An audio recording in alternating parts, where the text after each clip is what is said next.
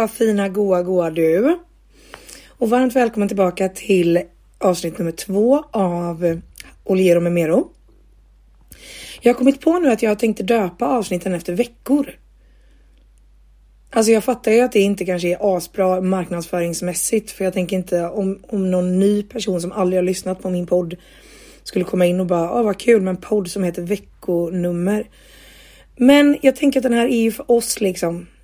För den behöver inte bli stor, för det är inte så himla spännande. Så det är mer min röst. Om du inte har lyssnat på förra avsnittet så finns det på Spotify. Det finns på Acast. Det finns på Podcasts app för iPhone. Jag tror det är de ställena det ligger på just nu. Mm. Och tack så jättemycket för era fina ord från förra avsnittet. Vad roligt att det känns som att ni gillade konceptet typ.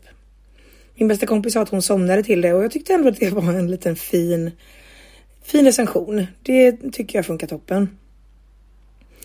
Just nu sitter jag på golvet i min stökiga lägenhet. Jag är rätt bakis.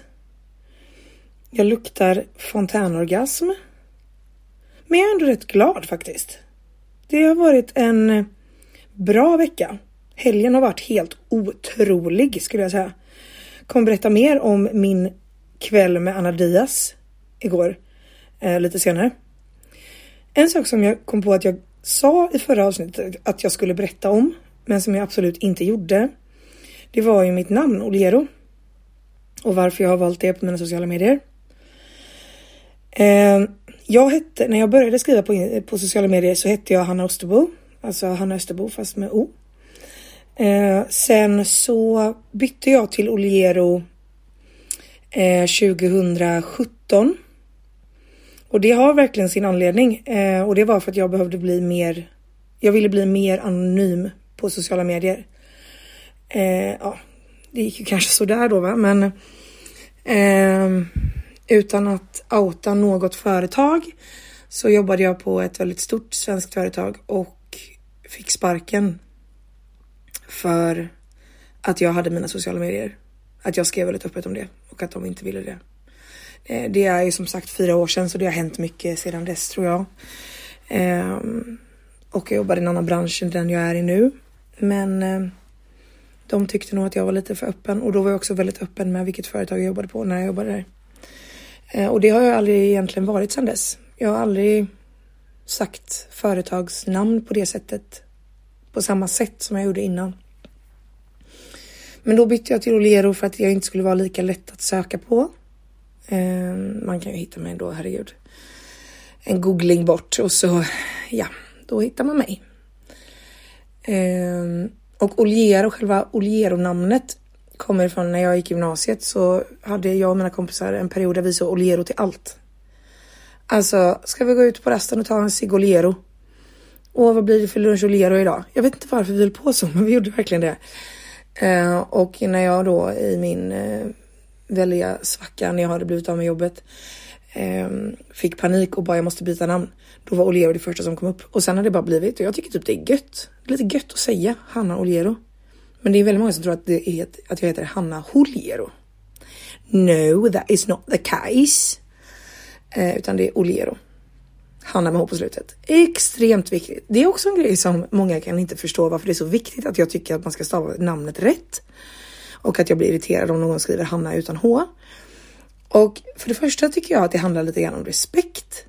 Alltså jag är väldigt noga med att om jag skriver någons namn så kollar jag så att jag stavat rätt. Ofta ser man ju det.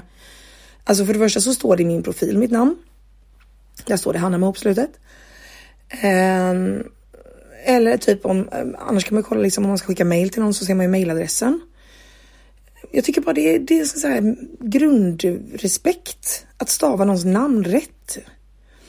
Och sen så är det också så att jag, jag ska säga döptes. Det har jag ju, eller det gjorde jag först när jag var vuxen för att jag kommer ifrån en god liten frikyrklig familj där, där som är liksom baptismrörelsen och baptist, eh, baptister är, eh, det handlar om vuxendop.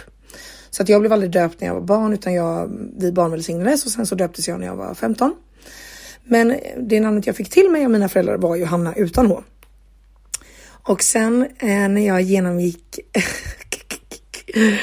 en stor livsstils, äh, livsstilsförändring.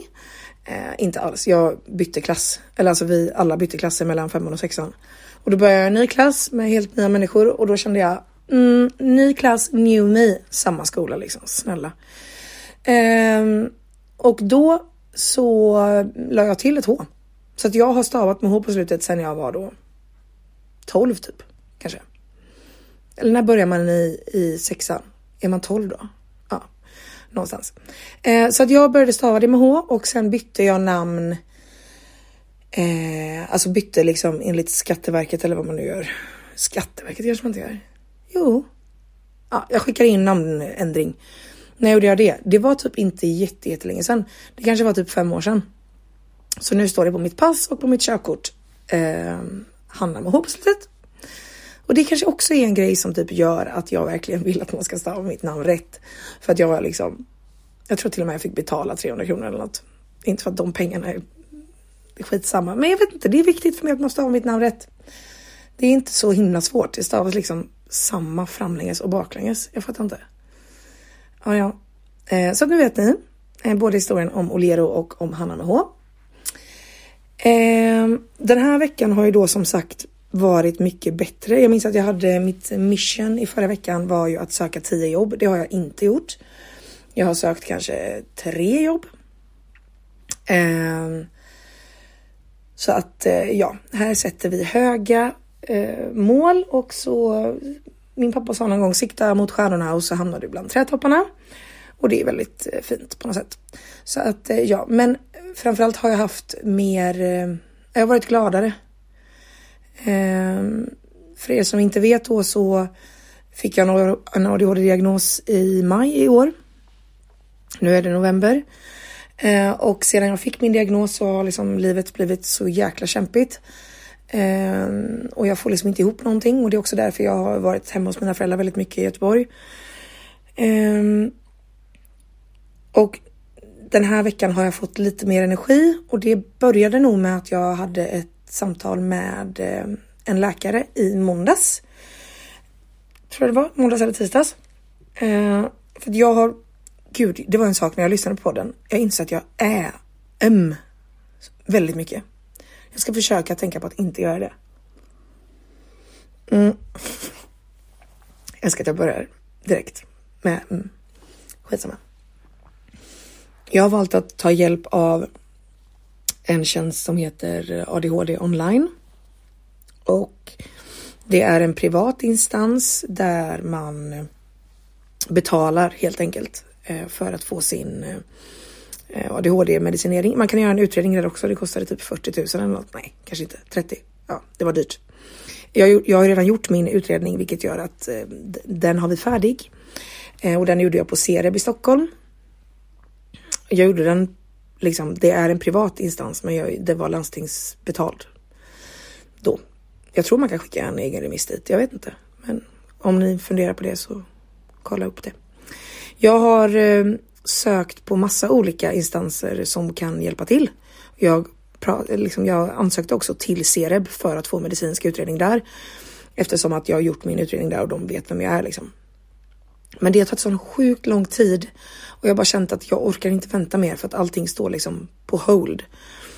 Så att jag valde att kolla runt lite andra alternativ, hittade flera olika tjänster men ingen som var så, alltså hemsidan var inte sådär jätte ADHD-anpassade. Alltså det stod liksom inte typ vad som ingick och det är ändå rätt mycket pengar man ska betala. Så det var så här, ja ah, men du får medicinsk behandling, bara okej okay, under hur lång tid då? Eller hur mycket, hur många gånger? Alltså det var väldigt så här. Och sen så tipsade då min bästa kompis om ADHD online, för det hade en bekant till henne gjort via. Och den hemsidan var toppen. Um, och det var verkligen precis den information jag behövde. Det kostar, ska säga, jag tror det kommer kosta 8300 totalt för mig. Och då eh, är det medicinsk, alltså möte med psykiater fem gånger och så är det uppstartsmöte och sen är det medicinering och det är provtagning och det är massa olika grejer. Så det kändes som en rimlig summa med tanke på att just nu, alltså alla pengar jag inte tjänar för att jag inte jobbar liksom. Um, så det kändes bra. Så då var det här mötet med honom i måndags eller tisdags. Och det bara kändes så himla bra. Han var så förstående. Det var, allting var ju online. Allting kommer vara online. Så det kommer liksom inte spela någon roll var jag bor.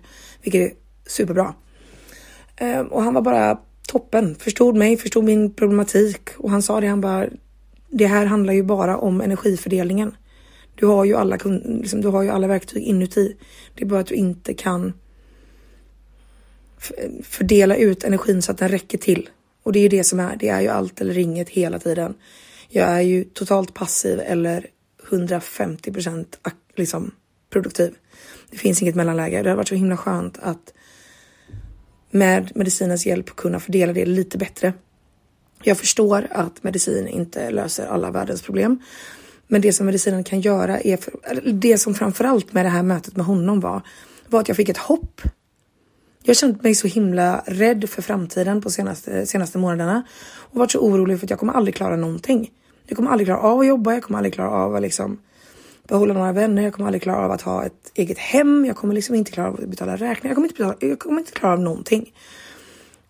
Och när jag hade det mötet med honom så var det som första gången som jag kände ja, det, det finns något litet hopp om framtiden och det kändes så himla fint. Så det som han sa var att jag behövde göra prov, prover. Nej, jag hade nog möte med honom typ i torsdags. Ja, skitsamma när jag hade möte. Jag hade möte med honom i veckan. Ehm, då behövde jag göra prover och då är det massa olika prover. Det är B12, det är sköldkörtel, det är ja, massa olika prover och man ska ta puls och, och blodtryck och sådär. Och man ska även ta ett sånt här långtidsverkande alkoholprov.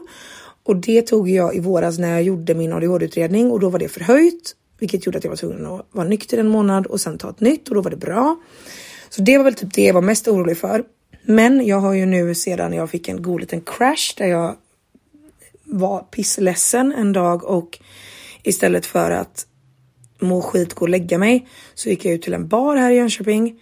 eh, och drack typ tre, fyra glas vin under kort tid, hade live på med er. Satt egentligen bara och grät under hela liven. Och sen fick jag någonting som jag kallar, kallar för en MS-fylla, vilket innebär att jag eh, det, det slår till från ingenstans typ. Um, ofta tycker jag annars att man känner liksom okej, okay, nu börjar jag känna av lite grann att jag börjar bli lite full. Men när jag får en sån MS grej eh, som jag aldrig haft innan jag fick min MS diagnos då tycker jag att det känns som att, alltså det bara smäller till. Jag kommer inte ihåg någonting typ. Um, vilket slutade med att barägaren, världens gulligaste, började följa mig hem. En annan kompis som var inne i liven satte sig i bilen, mötte upp han och mig som gick där. Den här baren ligger liksom 100 meter ifrån mig så att den är väldigt nära. Um, och sedan följde hon mig hem. Alla blev oroliga. Jag hade arbetsgivare som hörde av sig och bara vad är det som händer? Nu räcker det. Vilket jag förstår. Jag har skämts så fruktansvärt mycket. Jag mått så dåligt över den här händelsen. Och också att jag gjorde er så oroliga. Um, och jag, jag, tycker det var, det var otroligt ansvarslöst av mig. Mm, det var också väldigt ansvarslöst att göra det med live för att ni sitter liksom i hela Sverige, vissa är till och med utomlands. Och att se någon bara så här, hej nu håller hon på att förfalla här. Mm, toppen, jag kan inte göra någonting för att jag är 50 mil bort liksom. Det var extremt ansvarslöst och jag, jag skäms fortfarande väldigt mycket för den händelsen. Men sedan dess så har jag, jag körde total paus på alkohol eh, första veckorna och sen har jag druckit senaste typ två helgerna. Eh, men ja, ingenting på vardagar och ingenting, alltså så.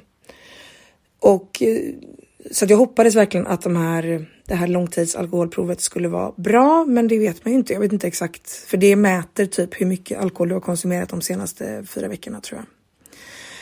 Eh, så att jag tog blodprov i fredags och puls och allt det där och då gjorde jag det via Kalanderska i Göteborg. För då var jag eh, hemma i Göteborg, eh, eller hemma hos mina föräldrar. Som jag har varit nu senaste veckorna. Eh, jag har varit här en gång i Jönköping en gång och typ hämtat lite post och sånt. Eh, och jag, just det, jag hämtade min reservnyckel eh, till min bil eh, som gick sönder. Eh, men annars har jag inte varit eh, här i Jönköping, vilket har... Eh, nej, men jag har liksom inte haft kraft på något sätt. Och jag har också känt att de konsultuppdrag jag har haft här i Jönköping har jag inte fått några nya nu. Och då har jag ingenting här Liksom. Jag har ingenting här att göra. Och jag har pausat alla mina influencerjobb. Vilket gör att det finns liksom ingen anledning för mig att vara i Jönköping när alla mina närmsta vänner och min familj är i Göteborg. Eh, så. Men eh, så jag tog det blodprovet på för, för också så här, när jag pratade med Cereb, de bara ja du behöver ta ett sånt här alkoholprov eh, och sen tar det två veckor för att det analyseras. Jag bara okej. Okay. Men sen så när jag hade möten med den här läkaren från ADHD online, han bara ja men om du tar det, det här eh, blodprovet torsdag eller fredag, då kommer jag få in det typ på måndagen. Jag bara men gud, det är bara några dagar efter. Han bara ja men det går fort. Jag okej. Okay. Jag skickade in eh, blodprovet då på fredagen efter lunch någon gång. Vaknar på lördagen av ett meddelande och då har man liksom en egen app där alla kontakt, eh, all kontakt med eh, ADHD online sker via en app, vilket är supersmidigt. Jag kan skicka meddelanden där, jag kan ha videosamtal och sådär. Jag har fått ett meddelande från den läkaren som bara hej hej, eh, jag vill bara säga att jag har fått dina prover, allting ser bra ut. På lördag morgon.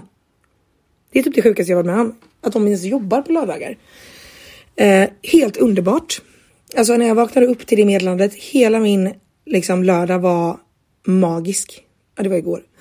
Nej, men bara det att det innebär att jag kommer kunna börja medicinering. Det innebär att jag kommer kunna börja medicinera som jag har väntat på i ett halvår. Alltså det är så, åh oh, gud. Jag dör. Eh, ja, det hände. Så att jag är superglad. Så att jag, vi ska ha ett möte igen nu på torsdag och då antar jag att han kommer skriva ut någon form av vi kommer lägga upp en plan och så kommer han skriva ut medicin. Grejen är bara den här att jag har bestämt att jag ska jobba lite extra på det lagret som jag jobbade på i Göteborg innan jag flyttade. Och det ska jag göra. Jag ska jobba natt där, eh, typ hela nästa helg för det är Black Friday och de behöver extra så att jag ska jobba natt. Eh, jag hoppas innerligt att jag kommer ut med livet i behåll. jag har jobbat natt på hotell när jag flyttade tillbaka till Göteborg en annan gång 2015, 2016. Fuck vad piss jag mådde av att jobba natt alltså. Men det gjorde jag under, under en längre tid. Nu är det bara några nätter och det brukar gå. Alltså jag har aldrig jobbat natt där innan, men det, jag tror det kommer bli toppen. Eh, så frågan är då om jag kommer kunna börja på medicinen när jag jobbar natt. Eller hur, hur jag ska lägga upp det då. Jag vet inte. Eh, vi får se. Eh, jag hoppas att ja, antingen så gör jag väl det nästa helg då eller veckan efter. Vi får se. Men liksom, alltså ni fattar inte, det är så. Uh, Alltså de hade typ kunnat ge mig sockerpiller och jag hade ändå. Jag hade ändå känt hoppet. Alltså att någon bara Ta tag i mig.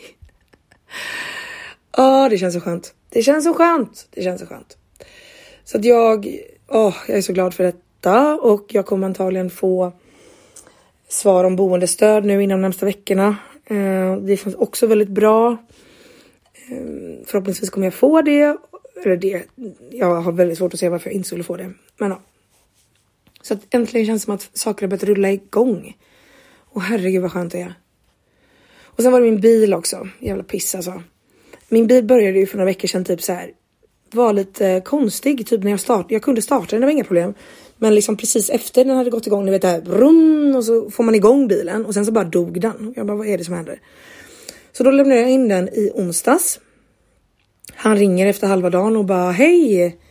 Du, det är lite problem här. Jag bara jaha. Ja, du har ju kamkedja, vilket jag har, inte kamrem. Kamkedja ska tydligen vara toppenbra för du behöver aldrig byta den. Men när den går sönder så kan den förstöra hela fucking bilen. Så att min bil var just nu en levande liten bomb. Eh, den hade inte förstört eh, hela motorhuven, men den skulle kunna göra det inom 50 meter eller inom 500 mil. Ingen aning.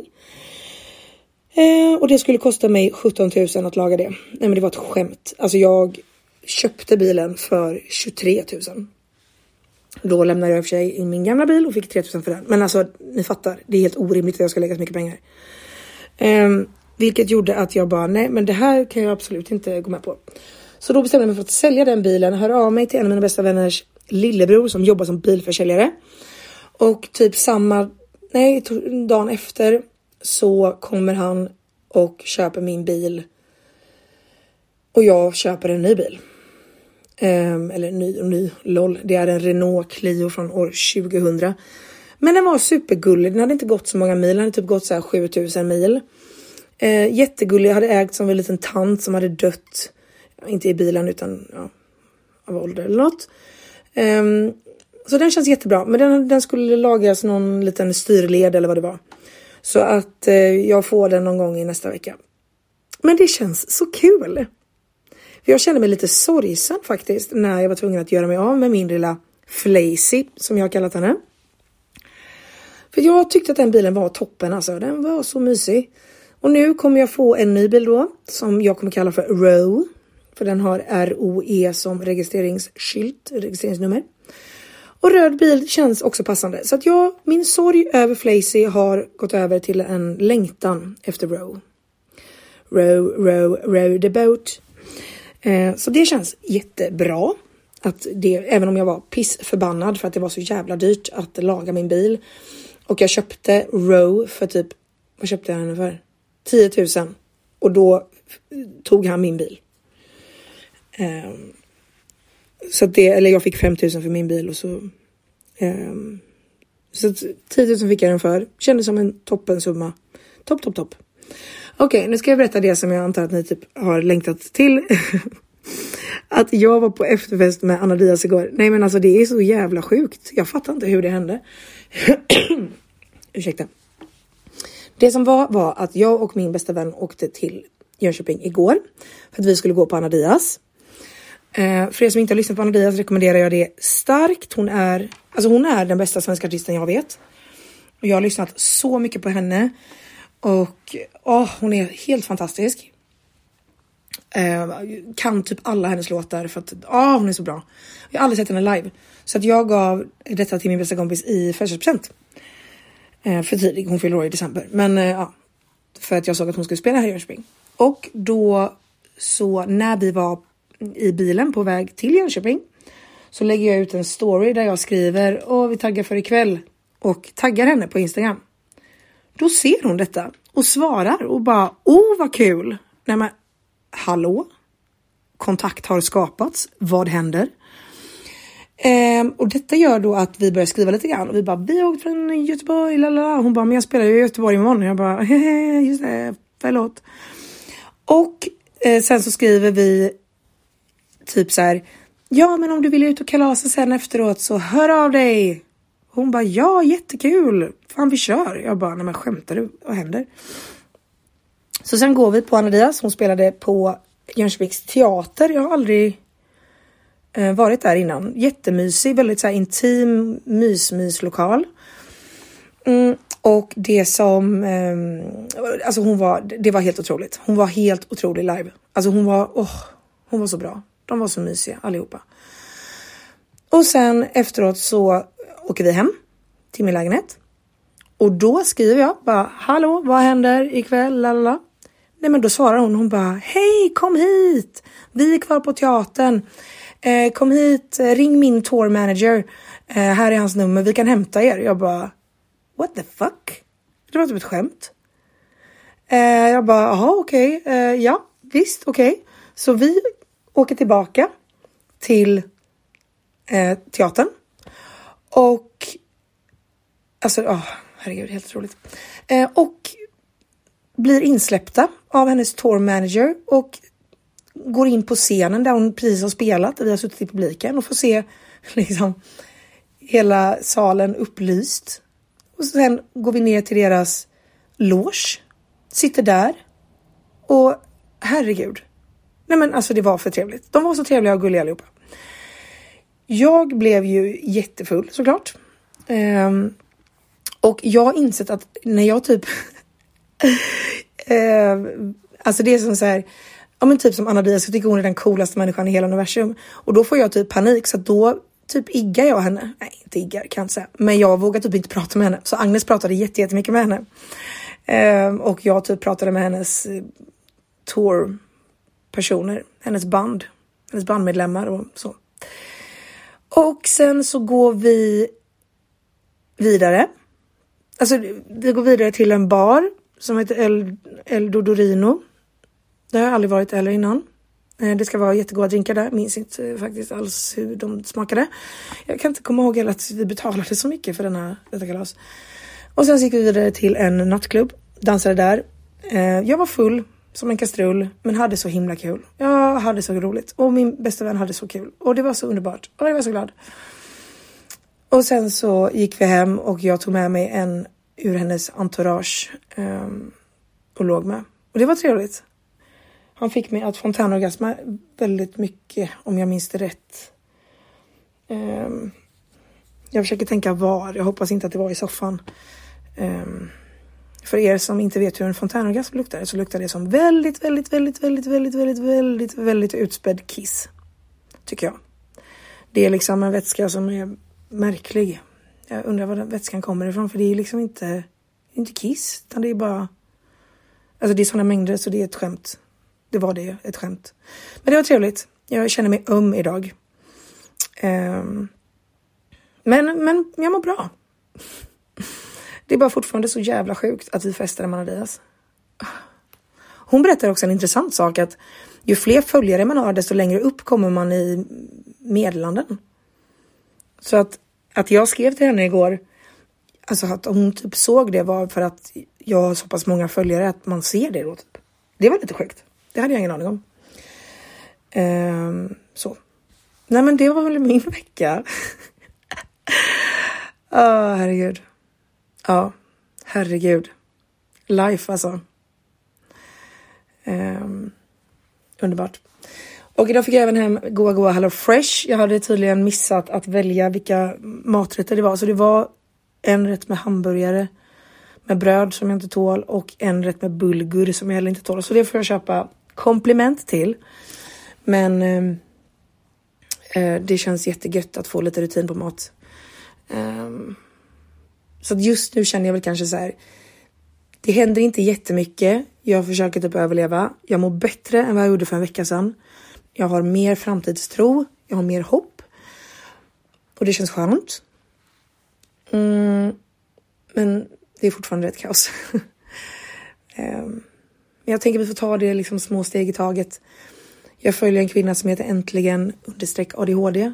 Som, hon fick sin ADHD-diagnos när hon var 43 och har börjat på medicin nu för bara ett par veckor sedan.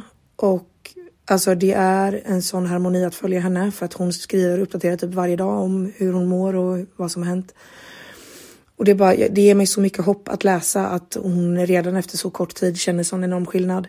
Jag vet alla gör inte det, men jag har verkligen hopp och stora, stora förväntningar och förhoppningar på, på den här medicinen och att se att det går så bra för henne gör mig så jävla glad. Så det känns toppen. Eh, ja, nu ska väl jag fortsätta att ligga här. Jag kanske ska gå och köpa lite ostbågar. Jag känner mig väldigt snackssugen, men det finns ju inget snacks i det här hemmet just nu. Så vi får se. Eh, tack så jättemycket för att ni lyssnade och så får ni ta hand om er så jättemycket så hörs vi om en vecka. Puss och kram! Mm, mm, mm,